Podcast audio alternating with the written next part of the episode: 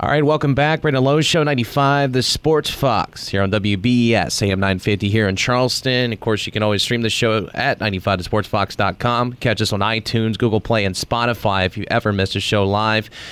Uh, this young man uh, is the son of a, a, friend of the show, Eugene Napoleon, and he is Brandon Napoleon, and he's been invited to the XFL Summer Showcase there in D.C. Brandon, I can't believe we haven't had you on the show, man, uh, but welcome to the show. Hey, thank you for having me. Thank you. I appreciate it. Well, let's talk about your collegiate career because most guys maybe transfer once or twice. You transferred multiple times. You started your uh, collegiate career at West Virginia University. You ended up uh, ending your career there at Kansas Wesleyan. Um, what did playing at multiple levels of football, different coaches, and different environments do to prepare you for your uh, your next chapter there and your football career? Uh, it definitely helped me be a, a be around different people. Um, definitely helped me gravitate towards uh, being able to communicate with different sorts of people, different parts of the country, Midwest, East Coast, to to even West Virginia. You know, it was it was very special experience. Even though, um, you know, I would never regret anything or anything, any decision I made to transfer from West Virginia. You know, God has everybody's plans in sight, but um, it is it just helped me see what the world was like. You know, most people you had to go to one school, one re- one part of the region of the country I was able to experience multiple Kansas, Kentucky, uh, Iowa, and also West Virginia. So it was a blessing in disguise, meeting different people, setting up different connections, and uh, having best friends from different uh, different parts of the country till this day. Talk, talking to Brandon Napoleon, uh, has been recently invited to the XFL Summer Showcase uh, for the uh, DC team down there. Your dad, Eugene, uh, running back at West Virginia, dear friend of the show, as I mentioned the top, played on the 88 team, uh, only team to reach that national title there in Morgantown. What was growing up with your dad like, especially since he did play football at a high level? Here you are, filling your way through uh, your own football career. How has that played a role in your decisions or just motivate you maybe to become a better football player? Well, definitely, definitely persuaded my decision to commit because um, most people don't know I was committed originally to North Carolina, and I was going to make it um, make the announcement at uh, Semper Fidelis All American game, and I was going there. But long story short, uh, the late Bill Stewart uh, got fired, and then Coach Holgorsen came in. He actually offered me like his second day on the job, and on that, you know, I always was around West Virginia, always was a Mountaineer fan. So once he offered me and I took my official visit, it was it was a, it was an easy decision.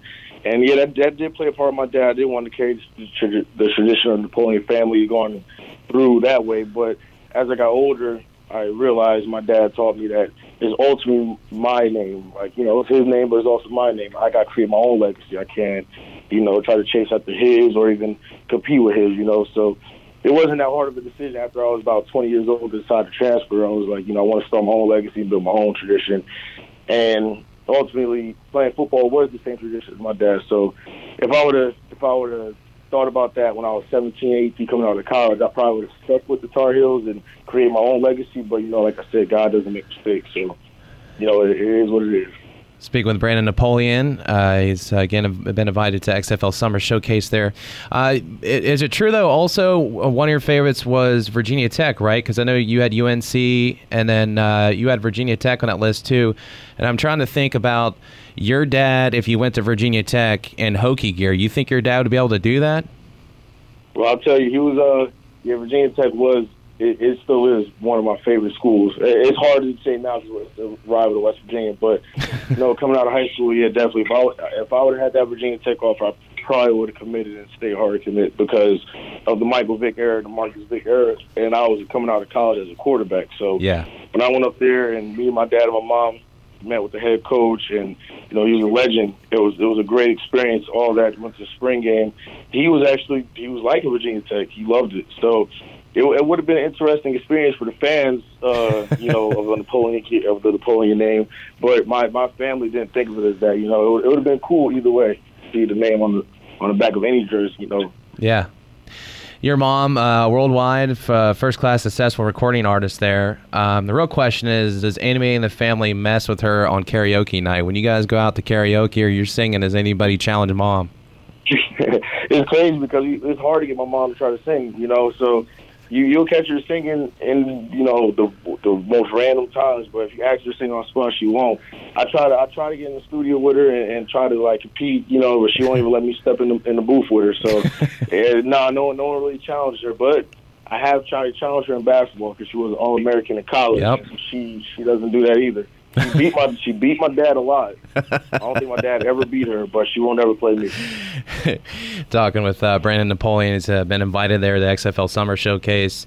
Um, what's the what's the biggest hurdle you say for you for you so far playing football that you had to overcome, and maybe made you a better person or a football player? What was the biggest hurdle or adversity you faced?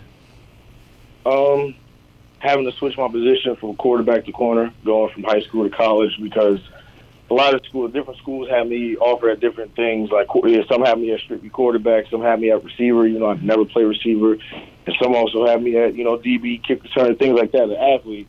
But ultimately, I, I wanted to play quarterback. You know, so when I uh, it was I don't know if this is good. Well, I'm gonna say anyway. When I went to West Virginia, when I committed there, Coach Holgorsen said he'll give me the chance to play quarterback, the first chance. So that that adversity was I was going there with this mind of playing quarterback. First day on campus, I get there, I go in my locker, I had a blue jersey, which is defense. So that that right there, my first day was a struggle of adversity. You know, I'm a young kid coming in. I'm like, man, he already lied to me. But after I get to you know get through the process of 21, 22, and I transfer and stuff like that, it's happening everywhere. You know, Yeah. it's not it's not no you know it's what's best for the team at that point. I guess me playing DB was the best for the team. But that that at first, um, I wanted to transfer right right on the first day, right when I got there, because I, I felt lied to. But I just had to you know overcome it and know that other people are going through the same stuff I'm going through, and it's still a blessing to even be able to be here rather playing defense or quarterback. You know, so Sure. at the end of the day, that's what I learned. You know, just go with the punches. You know, you can't can't complain, you can't whine. Just just keep going with it. Yeah, you learn the uh, you learned the game firsthand and how recruiting works. I guess is what the coaches tell oh you there. yeah, so. for sure. Um, you t- you were playing some arena football, right? You got uh, to play a little bit of uh, arena football. Yeah, yeah, I was with us. I was with Albany Empire for a week in the AFL. I got cut um, last day of training camp, and then I had the opportunity to go up to the IFL in um, Iowa. Ironically, I was only there for three weeks, actually two and a half weeks. I played in one game, and after I played that one game, I got the XFL invite, and I just Yeah. decided, you know, that's why that's ultimately why I wanted to go for. I wanted to get film, play one game, have a good game, and have the ability to, you know, someone pick me up. And it was God's grace. I played one game. The next day, I got the XFL invite. That's awesome. So I, I came home two days after that. That's awesome, dude. Um, well, let's talk about that next chapter in life. There, we've been talking about getting invited there to the XFL Summer Showcase. What excites you most about this opportunity? Let's start there. What's most exciting about this? Um, just the opportunity because I see the other people, other players getting invited. Like, um, actually, KJ Dillon uh, got invited. You know, that's one of my best friends to this day. KJ Dillon, you know, number nine, agent number nine. Uh huh. He's going to be at Washington with me as well. KJ Dillon and Christian Brown, uh, the nose tackle, who play on that team with me as well. So it was just like it's actually cool that the West Virginia boys getting a shot.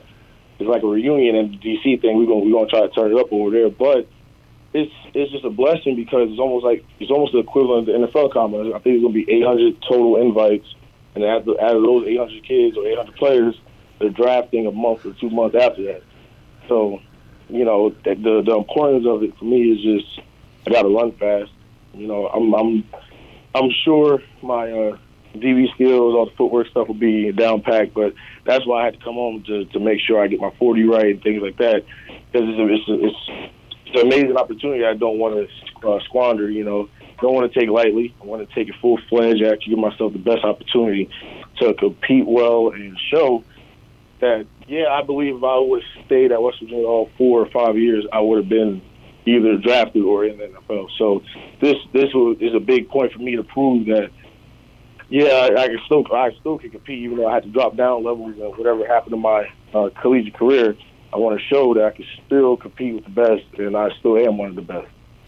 Certainly. Did you watch uh, the XFL the first time around? I thought it was awesome, man. I, I know eventually uh, I was kind of younger then. Um, it might have been before.